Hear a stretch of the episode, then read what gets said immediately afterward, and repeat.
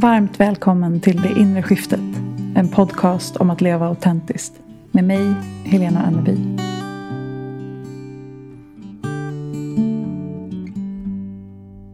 Hej vänner.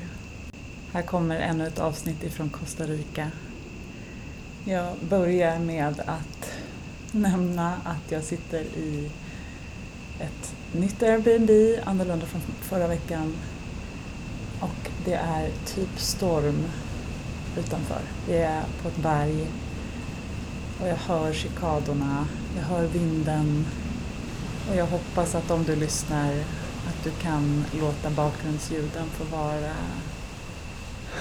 en härlig effekt, en känsla av Costa Rica och att det inte är allt för störande. Men jag vill ändå fortsätta spela in avsnitten härifrån även fast ljudkvaliteten inte är perfekt för jag kände mig kallad idag att prata om självkärlek, att bli sin egen bästa vän, att ta hand om oss själva och hur vi gör det. Och jag märker att sakta men säkert så kommer jag nog i poddens namns ära och min senaste bok, Det inre skiftet, att gå igenom de olika kvaliteterna från boken som är tacksamhet, det har vi pratat om. Acceptans har vi också delvis pratat om.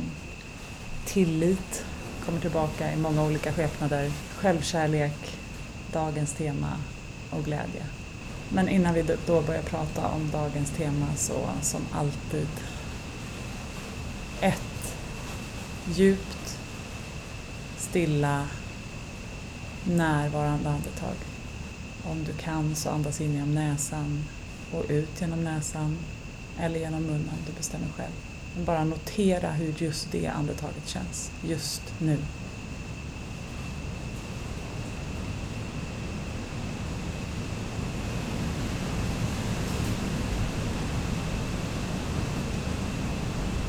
Och med andetaget kommer stormen. en historia som kommer till mig från mitt eget liv apropå att bli sin egen bästa vän. Det är en massa år sedan så var jag i Jordanien och hälsade på en vän.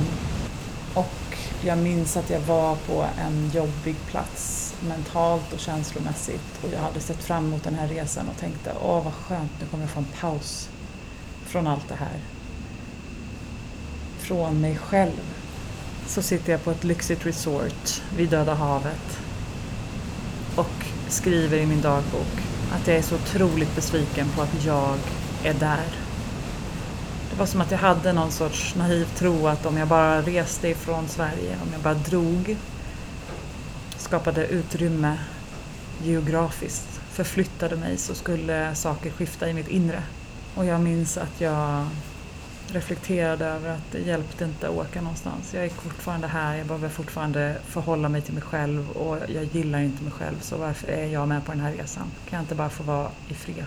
Från mig själv. Mina tankar var väldigt kritiska. Jag var väldigt självanklagande. Det var inte en särskilt härlig dialog och jag gillade helt enkelt inte mitt eget sällskap. Och anledningen till att jag tar upp det som ett exempel är för att några år senare så kom jag tillbaka till Jordanien till samma plats. Min vän skulle gifta sig och jag minns att jag är på hotellet någon av de första dagarna och skriver i min dagbok. Jag är så tacksam för att jag är här. För att jag fick följa med på den här resan, för att jag har mig själv. Och det var en så kraftfull insikt just eftersom jag kom tillbaka till samma plats. Jag hade rest en bit Första gången så reste jag och hoppades att jag skulle slippa mig själv. Andra gången så reste jag till samma plats och kunde konstatera att det bästa med att vara här det är att jag är här. Att jag får vara här med mig själv. Och det blev en sån tydlig kontrast för att det var på samma plats. Och jag reflekterade över det inför att jag skulle åka på den här månaden i Costa Rica också. Att jag är så tacksam över att jag kommer följa med. Det finns ingen jag hellre umgås med än mig själv. Jag älskar att ha människor omkring mig. Jag älskar människorna i mitt liv så mycket. Och den viktigaste relationen och den bästa relationen jag har i mitt liv är den med mig själv. Och jag är så tacksam för det. För det är precis som man säger, jag är den enda personen som kommer vara med mig, var med mig när jag föddes och som är med mig hela mitt liv. Och att ha privilegiet att få umgås med mig själv hela mitt liv det känns idag verkligen som ett privilegium och det har inte alltid gjort det. Det är precis det som jag vill dela och prata om. För jag vill supporta människor i att bli sin egen bästa vän. Och det är klart att precis som alla relationer så behöver jag jobba med min egen relation. Jag behöver vårda den, jag behöver utveckla den, jag behöver lyssna, jag behöver respondera på mina behov, på min längtan, på mina gränser. Och när jag gör det så blir jag belönad med en fin relation. En trygg relation. En härlig relation. Och jag tror att det är möjligt för oss alla.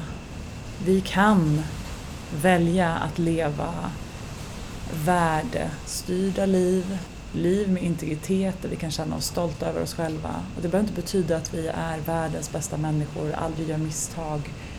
Men det betyder att vi leder våra liv ifrån kärlek istället för rädsla, främst. Att vi är de människor som vi vill vara. Att vi är pusselbiten som vi är här för att vara. Och att vi kan känna stolthet över hur vi presenterar oss själva i världen men framförallt hur vi relaterar till oss själva och till andra människor. Och när vi lever så, så tror jag också att det är lättare att tycka om oss själva när vi lever sant. Och jag tror att den absolut viktigaste delen med self-compassion, självmedkänsla, självkärlek, att vara sin egen bästa vän, det är ju att utveckla den förmågan även när vi inte kanske är så stolta. Vi gör misstag, vi sårar andra människor, vi skadar oss själva på olika sätt, medvetet eller omedvetet, och andra människor. Och livet går upp och ner. Ibland är det jättetufft att vara människa. Ibland är det lättare. Men jag tror att vi övar i stiltje det vi behöver omsätta i storm. Apropå dagens väder. Så när vi varje dag vårdar relationen med oss själva och tar hand om oss själva och lyssnar på den inre dialogen. När det kanske är lite lugnare eller när vi har det bra i relationen till oss själva. Då kommer den också kunna vara starkare när det stormar. Och en viktig pusselbit för mig i att utveckla en starkare relation med min inre bästa vän, som jag brukar kalla det för, det har faktiskt också varit att identifiera min inre kritiker. Att öva på att skapa distans mellan mig själv och mina tankar, vilket vi pratade mycket om i avsnittet om hur vi kan hantera våra tankar. Och därigenom notera vad som sägs i mitt huvud vad min inre kritiker, om det är den som är aktiv, säger. Att inse att jag är inte den där elaka rösten i mitt huvud, utan jag har den. Jag är inte mina tankar, jag har tankar. Och bara för att min hjärna säger någonting betyder inte att det är sant. Så en av de viktigaste pusselbitarna för mig för att utveckla en relation också till den snällare rösten, det har ju varit att identifiera min inre kritiker och lära känna den bättre. Vad säger den? När är den triggad? Vad har den för språkbruk? Och en övning som jag ofta gör med klienter är ju att faktiskt se framför sig hur den inre kritiken ser ut. Kanske ge den ett namn. Att jobba med delpersonligheten som man kallar det inom psykosyntesen. Delpersonligheten, inre kritiken. Kanske se hur den ser ut. Är det en gammal gumma eller är det en mörk vålnad eller är det en sur gubbe eller är det någonting annat som du ser när din inre kritiker pratar? Kanske ge den ett namn, ett utseende, en karaktär som gör att det blir lättare att identifiera att nu är det den som är igång. Och vi behöver inte hata vår inre kritiker, den får vara där. Och den är inte den enda rösten som bor i ditt huvud. Det är inte den enda rösten du behöver lita på eller lyssna på. Du kan också mixa upp det med att bjuda in din inre bästa vän. Och din inre bästa vän är ju lättare att identifiera när vi tänker på fina människor i våra egna liv. Har du en person som säger det du behöver höra när du behöver höra det. Kanske har det varit en förälder, eller en partner, eller en vän, en lärare. Någon som ofta vet vad du behöver och som kan säga de orden du behöver höra. Hur kan du vara den personen för dig själv? Vilken röst har din egen inre bästa vän? Och vad säger hen bara för att din inre kritiker har ett upptrampat spår i din hjärna, en stark nervbana, har gått på djungelstigen tillräckligt många gånger för att bygga nervbanor, bygga motorväg i ditt inre och det är väldigt lätt att gå den vägen, tänka den typen av tankar. det betyder inte att du inte också kan utveckla en röst och ett språkbruk i ditt inre, en inre dialog, ett inre klimat som är lite najsare. Precis som vi pratade om när vi pratade om tacksamhet. Från negativity bias till tacksamhet. Så kan vi också röra oss från den inre kritiken till den inre bästa vännen. Och aktivt välja att lyssna på den rösten. Att använda den rösten, att utforska den rösten och leva mer med den karaktären. Din inre bästa vän. Och att mjukna mot dig själv, med dig själv. Och vi övar i stiltje det vi behöver omsätta i storm så att vardagsvis i din, en tisdag morgon i november eller på väg till jobbet, i duschen, när du lagar mat, i hissen, på tunnelbanan, när du är ute och promenerar, när du lägger barnen, när du sitter på jobbet framför datorn, vad du än gör. Hur låter din inre dialog? Och om du hade en inre kommentator, för det har vi oftast allihopa, om du hade en inre kommentator som var schysst, vad skulle hen säga då? Jag har en övning som heter just Bli din egen inre bästa vän som jag länkar här i poddbeskrivningen så du kan gå in och göra den. Och den handlar just om precis det här, att identifiera först din inre kritiker, lyssna på den, respektera den och veta att det inte är allt. Det finns en annan inre röst också som du kan utveckla och som du kan välja att lyssna på. Vad säger den rösten? Vad vill hen förmedla till dig? Vad behöver du höra just nu? Bara för att den inre kritikern är mer van att prata betyder inte att allt den säger är sant. Du är värd att vara här. Du är värd att vara älskad. Du är värd att få må bra. Du är värd att vara här även när du inte presterar eller levererar eller alltid är ditt bästa jag.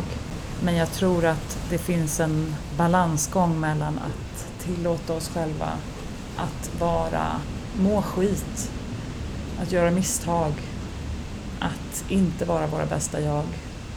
Så tror jag att vi också mår bättre när vi faktiskt väljer att leva liv i integritet. Leva enligt våra värderingar. Bete oss så som vi vill bete oss. Leva i självledarskap. Jag minns att när min egen självmedkänsla, self-compassion, var ganska grund, då hade jag väldigt lätt att känna mycket kärlek och medkänsla med mig själv när jag levererade, när jag presterade, när jag mådde bra. Men att när livet blev tufft eller jag gjorde misstag eller jag inte mådde bra, då blev jag otroligt kritisk och tyckte att jag borde fixa det och jag hamnar ofta där igen. Fortfarande. Men det blir bättre att jag inser att det fina ordspråket som man brukar säga, behandla mig eller älska mig som mest när jag förtjänar det som minst, för det är då jag behöver det som mest. Att inse att precis så som jag tänker om andra människor, så när jag mår som sämst, det är då jag beter mig illa. För att det gör ont inom mig och jag försöker projicera ut den här smärtan. Jag minns att Glennon Doyle har ett sånt fint citat där hon pratar om smärta som en het potatis som vi inte vill hålla i, som vi försöker kasta vidare till nästa person för att slippa känna den. Och det är då vi projicerar vår smärta på andra, det är då vi beter oss illa för att vi har ont inom oss själva. Och citatet som jag tänker på från Glennon Doyle är Perhaps pain was not a hot potato after all, but a troubling professor. Maybe instead of slamming the door on pain, I need to throw open the door wide and say, Come in, sit down with me, and don't leave until you taught me what I need to know. Och för att klara av att bjuda in smärta och att vara med oss själva även när livet är tufft, då behöver vi mjukna. Gentle, gentle, gentle. Vi behöver öva på att vara snälla med oss själva, även när livet är tufft. Särskilt när livet är tufft. Att kunna hålla vår egen smärta och inte projicera ut den på, oss, på andra människor. Och ibland så gör vi det för att vi är mänskliga och även då behöver vi kunna hålla oss själva och vara mjuka och snälla. Så vad behöver du göra för att utveckla din egen självmedkänsla, för att bli en bättre vän till dig själv, för att höja volymen på den rösten? Inte kasta ut den inre kritiken eller tänka att du kommer vara där för alltid eller jämt. Men för att sakta, sakta switcha, att göra ett inre skifte från inre kritik till mer inre vänlighet. Till att vara lite schysstare helt enkelt. Le mot dig själv i spegeln Smek dig själv över kinden när du behöver lite ömhet, när livet är jobbigt. Välj att ha en snäll inre dialog. Jag kallar mig själv för älskling, ofta. Vilket smeknamn, kärleksfullt smeknamn skulle du vilja ha på dig själv? Jag säger ofta högt till mig själv eller tillsammans med andra eller tyst för mig själv att älskling, nu är det tufft. Vad behöver du? Jag ser dig älskling, det där blir inte så bra. Men det är okej. Okay. Och just precis nu när jag noterar att det stormar ute, ljudkvaliteten på det här avsnittet blir nog inte så bra och jag borde ha spelat in det tidigare i veckan. Varför gjorde jag inte det? Du vet, anklagelserna kommer igång. Även då, just nu. Älskling, det är okej. Okay. Det duger. Du lever det liv som du vill leva och du gör så gott du kan och människor kanske har förståelse för det eller inte och det är helt okej. Okay. Du kan hålla dig själv i det här. Det är inte så farligt. Det är inte så himla viktigt. Och du kan få mjukna även i det. Jag känner hur hjärtat mjuknar, axlarna sjunker ner, andetaget blir djupare. Hela min kropp känns mjukare när jag bara tillåter mig själv att ha den dialogen i realtid. Så vad behöver du göra för att bli en bättre vän med dig själv? För att mjukna i din inre dialog? för att lyssna in och också för att faktiskt agera på dina egna behov. Att ge dig själv det du behöver. Att jobba med kanske gränssättning eller self-care, vad det nu innebär. Det är inte bara att gå på spa och göra pedikyr. Utan för mig handlar self-care om att faktiskt vara sin egen inre bästa vän. Och att lära känna oss själva, att lyssna in oss själva och att skapa förutsättningar för att vi ska kunna må så bra som vi kan må. Att känna till våra egna behov. Och att kunna på olika sätt tillfredsställa våra egna behov genom andra människor eller för oss själva. Att ge oss själva stillhet, inlyssnande, kvalitetstid med oss själva. Så vad behöver du göra för att utveckla den relationen, för att mjukna, för att lära känna dig själv bättre, för att bli en ännu bättre vän till dig själv. Som sagt, jag rekommenderar att ladda ner arbetsbladet som finns i poddbeskrivningen om du vill utforska lite relationen till din inre kritiker och relationen till din egen inre bästa vän. Och därifrån fortsätta att utforska om du inte har gjort det så mycket tidigare.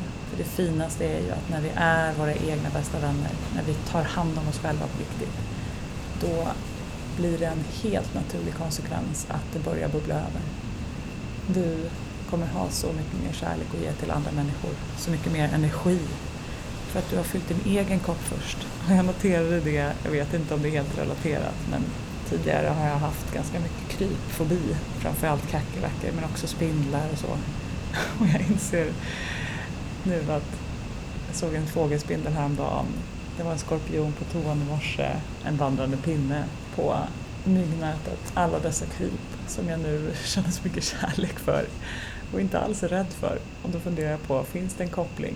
Kanske en, en löjlig jämförelse. För det är klart att det är viktigare kanske hur vi behandlar människorna runt omkring oss. Men jag bara noterade att jag, är, jag känner mig så fylld av kärlek till mig själv och till världen utifrån non-duality men också utifrån min medvetandenivå och där jag är. Att det känns så enkelt att älska allt och alla. För jag, det kommer inifrån mig och jag ger mig själv det först och främst. Och då bubblar det över. Det blir naturligt att älska även skorpionen och inte bli så rädd för den. Kommer inte ta på den, jag har full respekt för den, men jag behöver inte vara så rädd. Jag har all kärlek jag behöver inom mig och det får förstås mest konsekvenser för människorna jag möter på tunnelbanan eller som jag möter nu när jag är på resande fot. Jag kan älska dem villkorslöst för att jag älskar mig själv villkorslöst. När jag är på en bra plats och när jag inte är på en så bra plats så kan den inre dialogen få vara mjuk. Jag kan få vara schysst mot mig själv när jag är schysst mot mig själv då blir jag också schysst mot andra. Inklusive allt levande. Och jag vill bidra, jag vill vara här, jag vill vara mitt bästa jag. Inte för att jag måste, inte för att jag inte är värd om jag inte är det, utan för att det blir helt naturligt. För att det blir mitt naturliga uttryck. Och jag är inte alltid där och det är helt okej. Okay.